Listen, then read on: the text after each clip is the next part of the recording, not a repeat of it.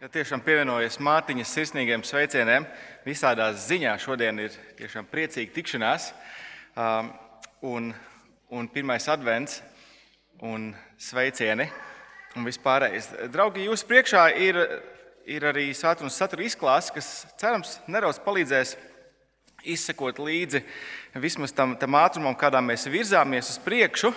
Um, droši ļausim visiem svarīgiem cilvēkiem aiziet tur, kur viņiem ir visērtāk pavadīt laiku, bet par to laiku mēs savukārt atvērsim Marka evaņģēliju 1015. lapas pusē un lasīsim visu 13. nodaļu. Gan šovakar, gan nākošo svētdienu mēs pavadīsim Marka evaņģēlīja 13. nodaļā.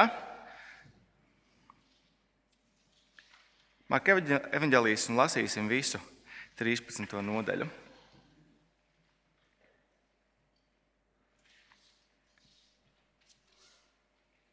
Kad Jēzus izgāja no tempļa, viens no viņa mācekļiem sacīja: Skolotāji, paskat, kādi akmeņi un kādas celtnes. Un Jēzus tam sacīja: Vai redzat šīs milzīgās celtnes?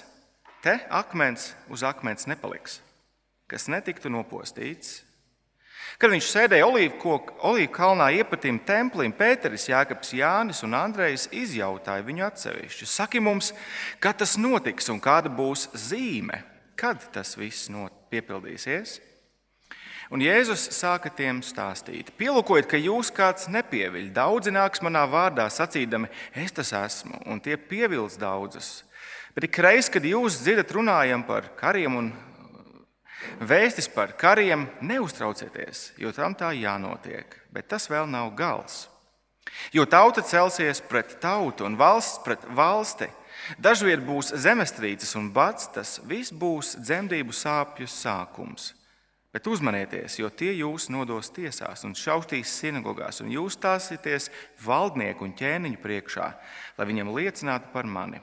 Un evanģēliem vispirms ir jātiek pasludinātam visām tautā, visās tautās. Kad tie jūs aizvedīs, lai jūs nodotu, neesiet norūpējušies iepriekš par to, ko runāsiet. Bet kas jums tajā brīdī tiks dots, to runājiet. Jo ne jūs esat tie, kas runā, bet svētais gars. Brālis brāli nodos nāvē, un tēvs bērnu, un bērni sacelsies pret vecākiem un tos nonāvēs. Visi jūs nicinās mana vārda dēļ bet kas pastāvēs līdz galam, tas tiks izglābts.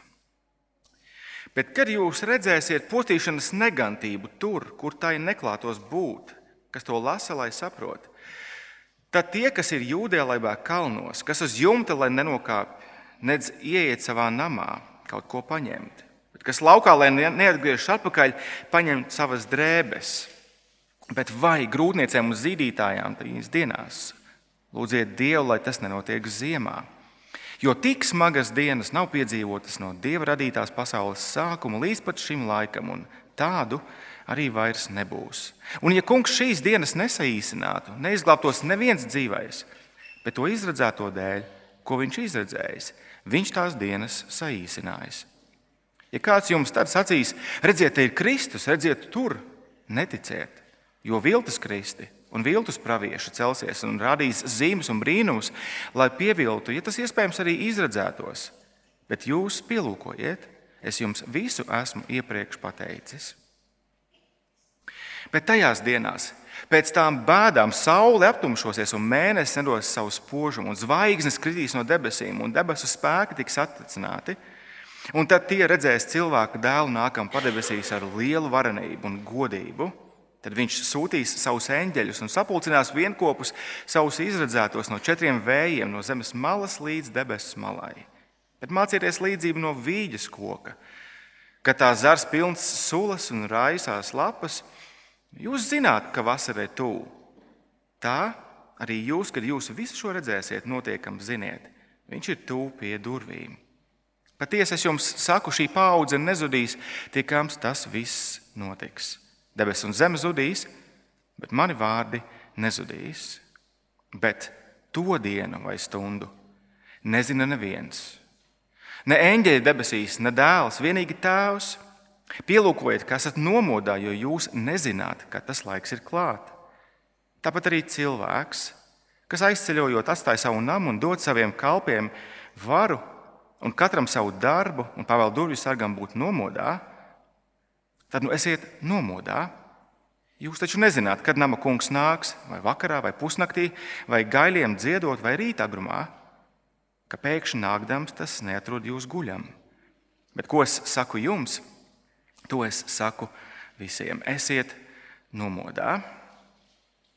Tas ir kunga vārds, un pirms mēs pārdomājam daļu no tā šajā svētdienā, ļaujiet, es vadīšu mūs pavisam īsā lūkšanā. Debes Tēvs, Kungs, Jēzus ir teicis, ka debesis un zeme zudīs, bet mani vārdi nezudīs. Dievs, paldies, ka Tu mums dari zināmu savu vārdu. Paldies, ka Tu esi runājošs Dievs. Un mēs lūdzam, mēs lūdzam, ka domājot par šo tik svarīgo tēmu un jautājumu, Tu vari darīt, atdarīt mūsu saprāšanu. Un, Kungs, ka Tu vari mūsu sirdis mierināt un iepriecināt šajā vakarā. Paļāvībā uz Tevi, paļāvībā uz Tavu darbu, mēs šajā laikā varam būt bērni, kurus Tu atrodi ar, ar mieru sirdī. Mēs to lūdzam Tev Jēzus vārdā. Amen.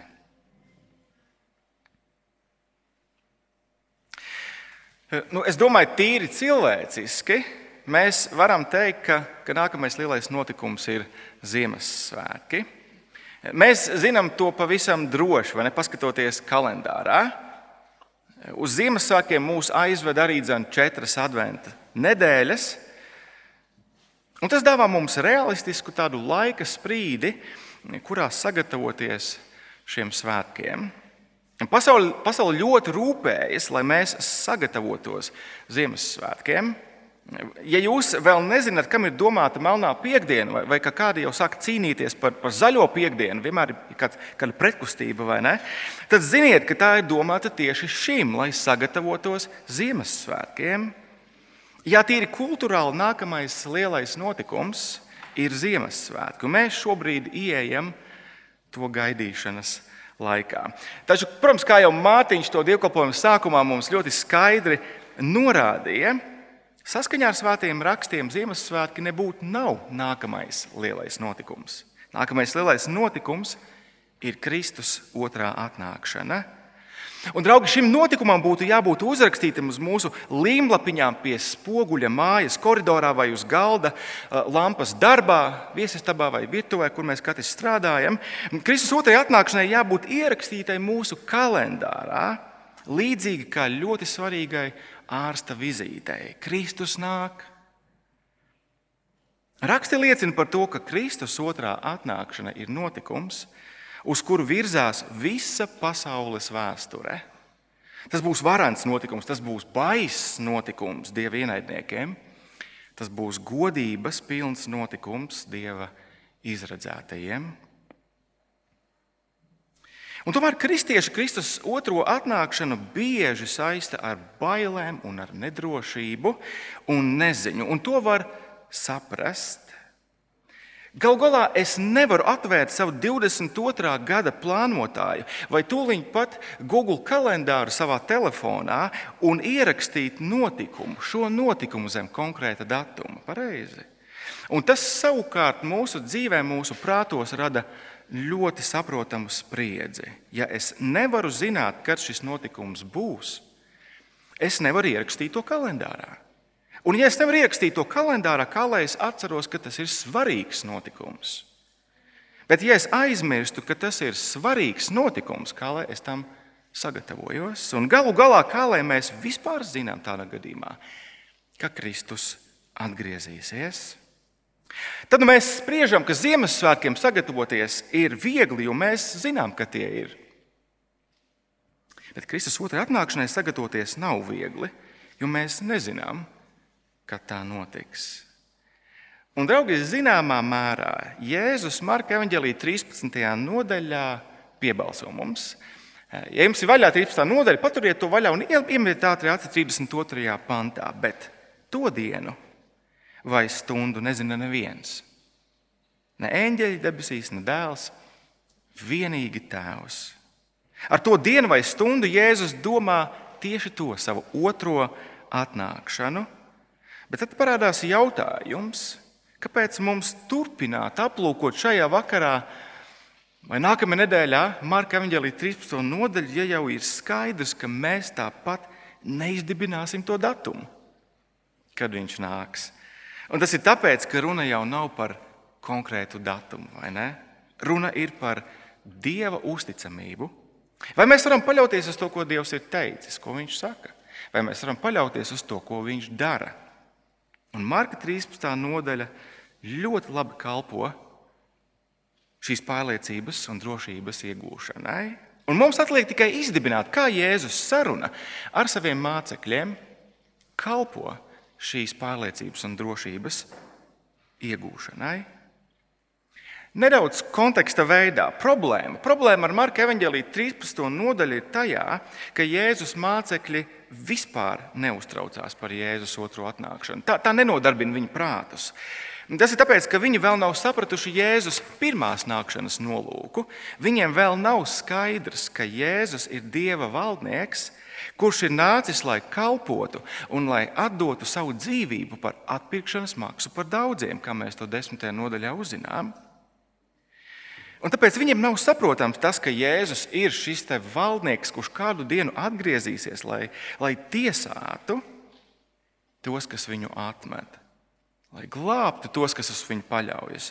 Viņu, viņu prātus tas nenodarbina. Jēzus mācekļi tēlaini izsakoties, ir nodarbināti ar Ziemassvētku dekorācijām. Un Jēzus tēlaini izsakoties, pavēstīja viņiem, ka Ziemassvētku dekorācijas nepaliks. Tēlēni izsakoties, izskatieties 13. nodaļas pirmajos divos pantos.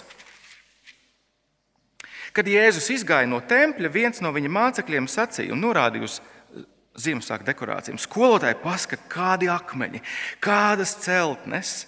Un Jēzus tam sacīja, vai redzat šīs milzīgās celtnes, te akmens uz akmens nepaliks, kas netiktu nopostīts. Par ko Jēzus te runā. Jēzus vienā teikumā pasaka to, ka Jeruzaleme, šī dieva pilsēta un tās templis, dieva mājas, tiks nopostīti. Un Jēzus lieto šo, šo gaidāmo baiso lokālo notikumu vēsturē, lai, lai runātu par vēl baisāku gaidāmo visaptvarošo notikumu, proti viņa otro atnākšanu. Bet kāpēc viņš tā dara? Kāpēc? Un, manuprāt, Jēzus dara to, lai mēs zinātu, ka viņa vārdi par viņa otro atnākšanu piepildīsies tieši tāpat, kā piepildījās viņa vārdi par Jeruzalemes un tempļa nopostīšanu. Paskatieties, kā Jēzus noslēdz 13. nodaļu. Viņš saka to arī mums, bet ko es saku, ko es jums saku, to es saku visiem visiem, arī mums. Tad, nu, ko Jēzus grib paveikt caur šo? Jēzus grib, lai viņa sekotāji gan toreiz, gan šodien ir pārliecināti, ka, ka viņš pilnīgi noteikti atgriezīsies. Un, lai gaidot uz viņa atnākšanu, mēs būtu paļāvības un drošības pilni, ka viņš mūs izglābs. Manuprāt, tieši tik vienkārši. Lielā patiesība tad nu šajā svētdienā ir tā, ka Kristus nāks otrais, un mēs varam būt droši. Vispirms zīme viņiem, un tad mācību stunda mums šodien. Zīme viņiem. Redziet, pirmā gadsimta jūdiem nākamais lielais notikums ļoti konkrēti bija Jēzus pravietojums par Jeruzalemes nopostīšanu. To mēs redzējām jau otrajā pāntā. Jēzus gribēja, lai cilvēki ir pārliecināti, ka viņa teiktais tik tiešām piepildīsies. Savukārt Jēzus mācekļi 4. pantā taujā viņam pēc zīmes. Pēters, Jēkabs, Jānis, Andrejs saka, kā tas notiks un kāda būs zīme, kad tas viss piepildīsies. Un Jēzus šo zīmi arī viņiem dod. Es nedaudz vairāk nākamās nedēļas sākumā eh, pastāstīšu par to, kā, manuprāt, zīmes funkcionē Marka evanģēlijā, bet tam es neveltīšu šobrīd laiku. Tā zīme, ko Jēzus viņiem dod šeit, ir ļoti skaidra un viena. Ieskatieties 14. pantā. Bet, kad jūs redzēsiet postīšanas negantību tur, kur tai neklātos būt, kas to lasa, lai saprotu, tad tie, kas ir jūdejā, lai bēg kalnos. Draugi vārdam frāzē postīšanas negantība ir ļoti konkrēta nozīme vecās derības vēsturē. Daniela grāmatā šī frāze tiek saistīta ar pravietojumu par tempļa svētnīcas apgānīšanu un tempļa upura atcelšanu. Un šie vecās derības pravietojumi daļēji tika piepildīti 167. gadā pirms Kristus. Toreiz Grieķu Selekīda impērijas ķēniņš Antioks IV ar savu armiju iesaļoja Jeruzalemē un dedzināmo upuru altāru vietā uzstādīja zevam altāri. Un tur upurēja cūku. Tas bija kaut kas jūdu skatam un ausīm neaptverams, postīšanas negantība. Un šis notikums jūdu kolektīvajā apziņā iespiedās ar tik katastrofālā līmenī, ka, ka, ka Markam nebija daudz jāpaskaidro, pieminot šo frāzi. Tādēļ Marks saka, kas to lasa, lai to labi apdomā, lai to saprotu. Mēs visi varam būt šajā brīdī droši, ka Jēzus norāda uz kādu līdzīgu sliktu notikumu templī, kā uz zīmi turpmākam postam. Lūk, ir zīme, ko Jēzus dod pirmā gadsimta lasītājiem. Un tas ir tas veids, kā zīme darbojas pareizi. Es domāju, ka mēs, kā, kā latvieši, zināmā mērā varētu to saprast. Ja mums kāds teiktu, ka jūs redzat tankus uz Plaskavas eh, šosejas, braucam Rīgas virzienā, mēs uzreiz zinātu, kas ir jādara. Jāmobilizē smagā tehnika, jābloķē tilti, eh, piekļuva radio, piekļuva televīzijai. Mēs jau vienreiz esam gājuši cauri kādam līdzīgam scenārijam mūsu tautas vēsturē. Mēs, mēs zinām, kā darbojās zīme, citiem vārdiem. Pareizi. Te vairs nav laika gatavoties, te ir jārīkojās momentāli, tūliņi. Un tieši to Jēzus gribēja pateikt cilvēkiem toreiz. Protams, ka vēsturnieki nav īsti droši, kas šī zīme bija, taču tai vajadzēja būt acīm redzamai tiem, kas dzīvoja pilsētā, jo tas bija signāls bēgt prom uz kalniem, kā mēs to lasījām 14. pantā. Un Jēzus pasaka, kāpēc ir tik svarīgi rīkoties tūlītē. Ieskatieties 19. pantā, jo tik smagas dienas nav piedzīvotas no Dieva radītās pasaules sākuma līdz pat šim laikam, un tādu arī vairs nebūs.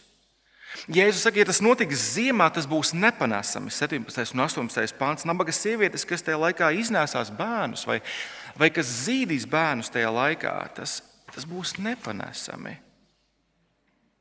Jēzus jau iepriekš brīdina pirmā gadsimta jūdas Jeruzalemē par nākamo lielo notikumu. Katastrofas ziņā tas būs kaut kas līdzīgs. Viņš saka, Antioka 4. iebrukumam Jeruzalemē. Viņa zina, kas viņam ir jādara, nekavējoties. Un raugi, draugi, Jēzus vārdi piepildās. Tik tiešām šī zīme, ko Jēzus atstāja, piepildās 70. gadā pēc Kristus. Romas ģenerālis vārdā Tic ar četriem romiešu leģioniem iesaļo Jeruzalemē, izsit caurumu pilsētas sienā ar, ar, ar tādu mūra dragājumu ierīci. Viktors, kas, kas nozīmē uzvarētājs, tic aizdedzina templi pārve, un, un pārved salaupītos tempļu dārgumus uz, uz Romu. Jūri, kas nepaspēja aizbēgt, tika gluži vienkārši noslapkavoti. Tās bija smagas, smagas dienas. Bet vienlaikus Jēzus pravietojums nav vienkārši, ja jūs to pamanījāt 13. nodaļā, tas nav vienkārši par tādu nekontrolētu ļaunumu kurš ir pilnībā atraisīts un dara, kas tam iepatīkās. Draugi, nē, aiz Jeruzalemes nopostīšanas stāv pats Dievs. Dievs tādā veidā sodīja jūdus par to, ka viņi atmeta savu ķēniņu, Jēzu. Kā mēs zinām, ka tas bija Dieva sots vienlaikus? 28. un 29. pāns. Jēzus šeit atsaucās uz vēl vienu tādu mazu, mazu līdzību, mazu zīmi vīģes koku.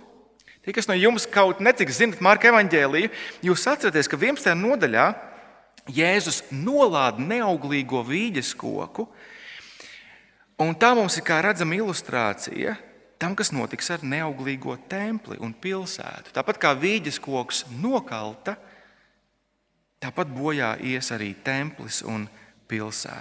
Jeruzalemes nopostīšana nebija nekontrolēta ļaunuma patvaļa. Pār to valda Dievs. Un tāpēc vienīgi Dievs var izglābt. Tā tad grūtību posta šausmu vidū Jēzus grib, lai pirmā gadsimta ļaudis var būt droši. Ieskatieties 20. pantā, ja kungs šīs dienas nesaīsinātu, neizglābtos neviens dzīvais, bet to izredzēto dēļ, ko viņš izredzējis, viņš tās dienas ir saīsinājis. Tad visām Jēzus paredzētajām šausmām pa vidu ir liels iedrošinājums tiem, kas cer, kas paļaujas uz Dievu. Dievs zina, Dievam rūp, Dievs uztur savus izredzētos.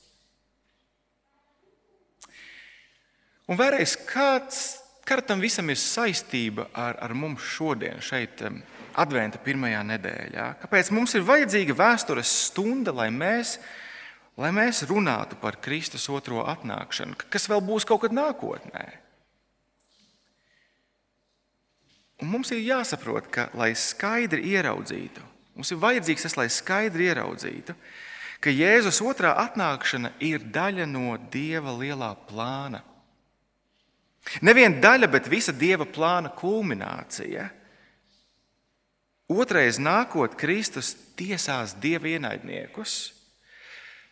Tāpat kā Dieva tiesa nāca pār Jeruzalem toreiz, 70. gadā pēc Kristus.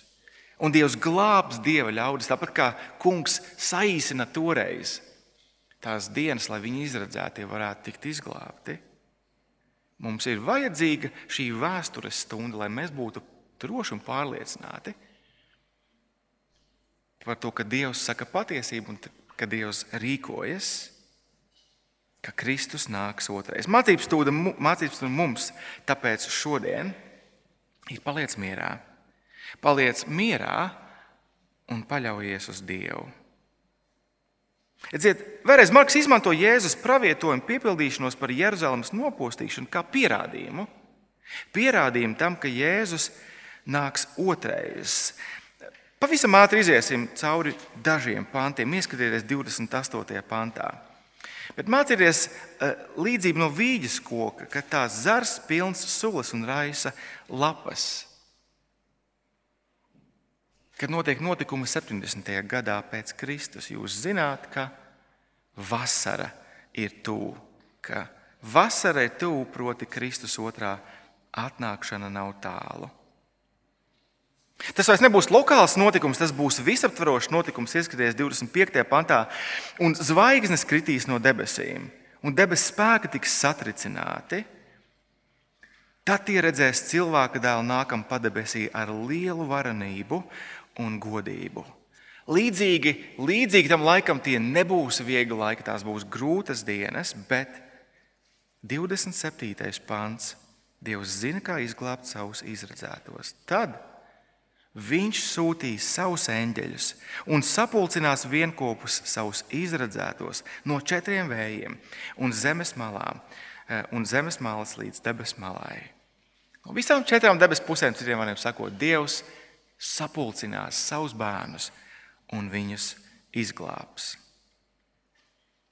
Nu, varbūt tādā, tādā faktu līmenī ļoti ātri, virspusīgi, jā, mums ir skaidrs, mums ir skaidrs paralēlis, mums ir skaidra, skaidra tas, ko, ko Jēzus atsevišķās vietās šeit pasaka. Bet kā mums būs jāuzlūko?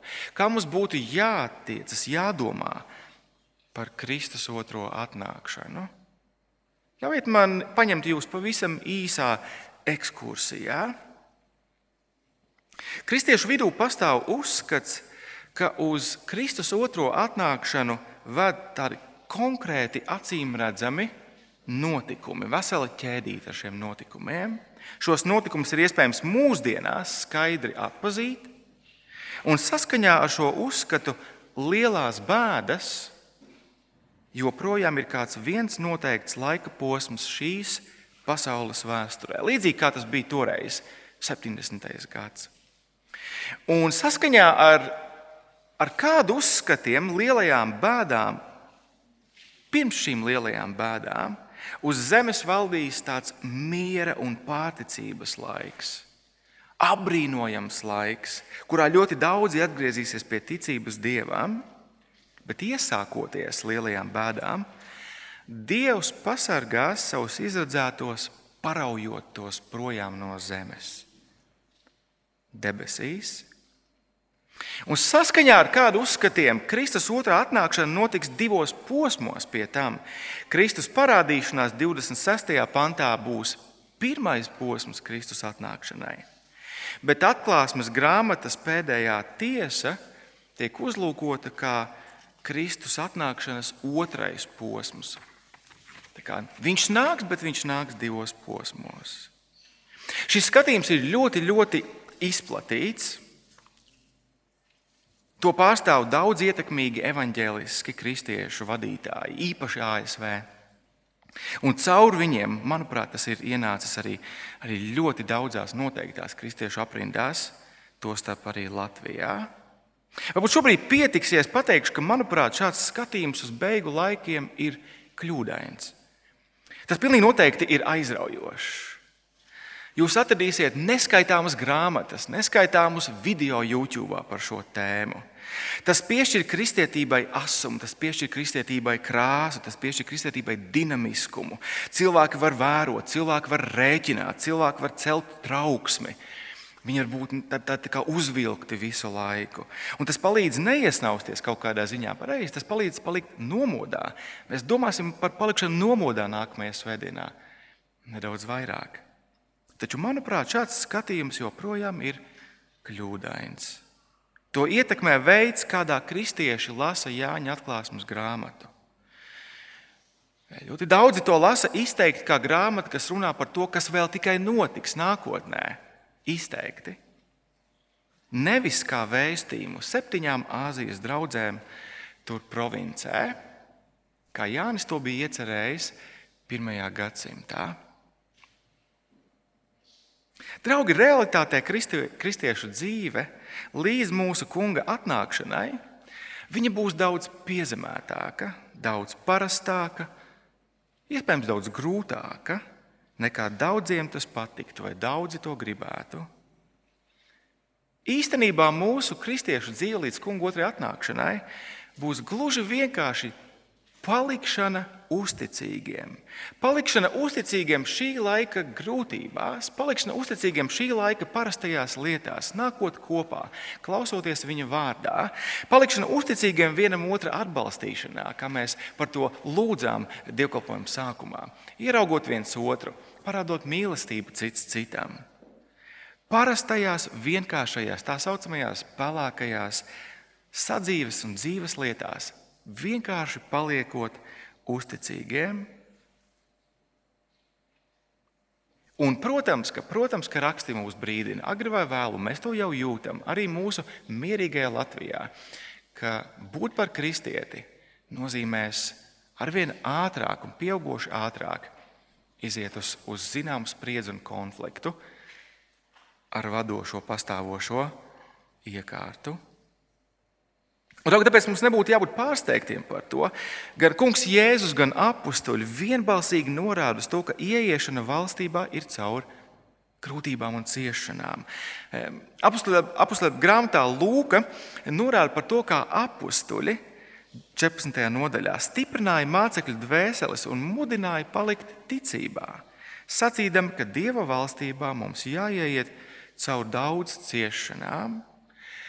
Vēlreiz atkal un atkal apstuļi, apstuļi grāmatā nav nekādi trauksmes cēlāji.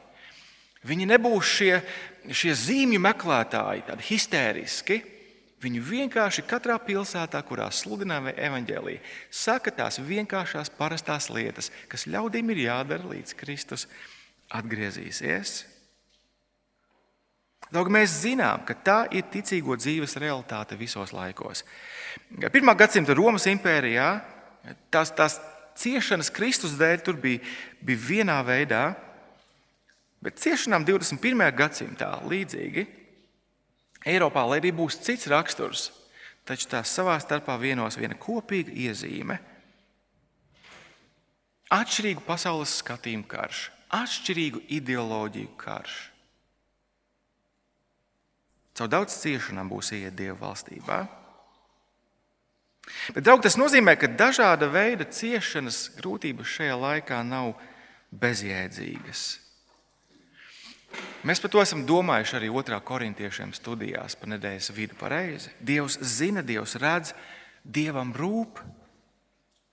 Jo tas viss ir daļa no viņa glābšanas plāna. Tāpēc tu un es, mēs arī šodien, arī šajā laikā varam palikt mierā Mēs varam turpināt paļauties uz Dievu, kurš zina, kurš redz, kuram rūp, kurš glābi.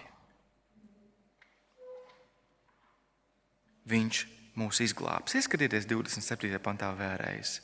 Tad Jēzus saka, viņš sūtīs savus eņģeļus, sapulcinās vienopus savus izredzētos no četriem vējiem, no zemes malas līdz debesu malai. Jēzus neprasīja tēvam, lai viņš izglābj savus izredzētos kristiešus, paraujot tos prom no mocībām pēc trešā pusgada no septiņiem gadiem. Nē, nekā tam līdzīga. Tas, ko Jēzus lūdz tēvam, ir kaut kas cits, lai tēvs dāvā kristiešiem garīgu aizsardzību fizisku vajāšanu vidū. Tur Jāņem ģēlī 17. nodaļā augstā priestera lūgšanā Jēzus lūdz šādi: Es nelūdzu, lai tu viņus paņem no pasaules, bet lai tu viņus sargā no ļaunā.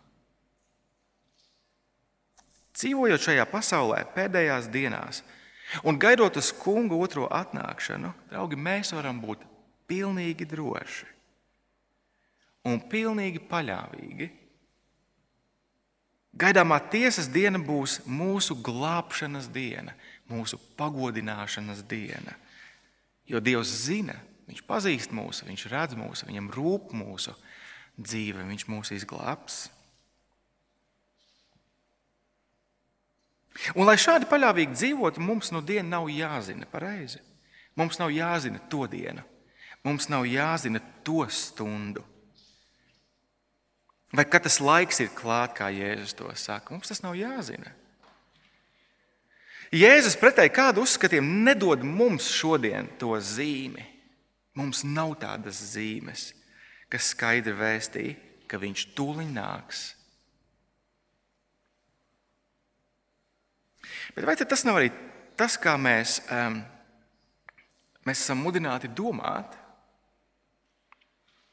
Vai tas, ka mēs nevaram ierakstīt kalendārā vienu konkrētu datumu, obligāti nozīmē to, ka mums nav jāgatavojas šim notikumam?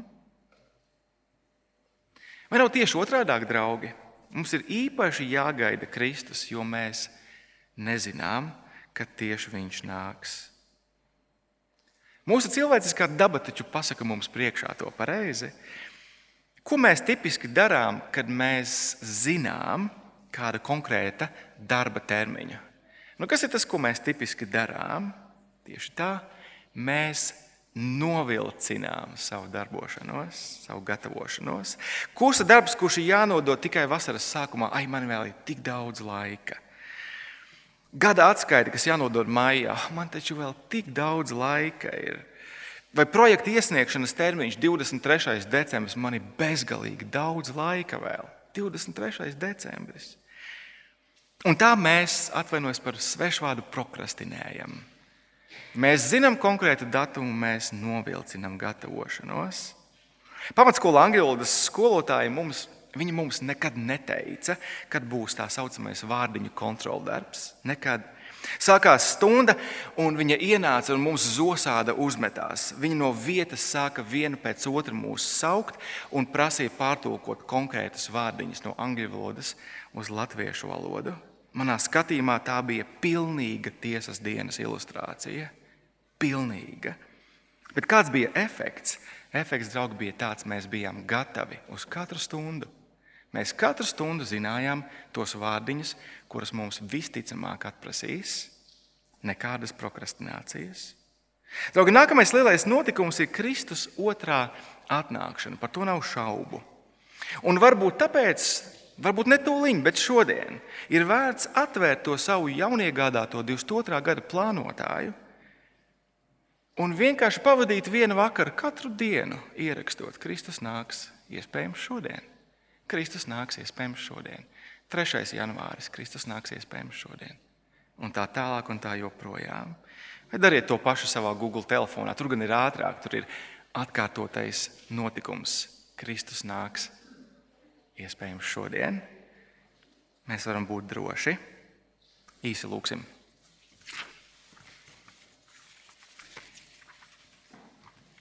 Debes Tēvs, paldies, paldies, ka Tu esi patiesa Dievs, Tu nemelo. Paldies par Jēzus vārdiem, par konkrētu nākamo svarīgo notikumu pirmā gadsimta ticīgajiem. Tās bija baisas dienas, kad Tava tiesa nāca pār bezdīvīgo pilsētu, kas atmeta savu ķēniņu. Paldies, ka Tu savā žēlstībā glābi tos, kas ticēja Jēzum. Un paldies, ka tā mēs zinām, ka Jēzus vārdi ir patiesi arī par viņu otro atnākšanu. Tā diena nāks, mēs to nezinām, bet Kungs, mēs varam būt droši, ka tad, kad tā, tā, tas notiks, Tu mūs izglābsi. Tu zini, tu redzi, tu pazīsti mūsu, tu glābsi. Palīdz mums būt tāpēc ar mieru sirdī, drošiem un paļāvīgiem, būt gataviem tev katru dienu. Amen!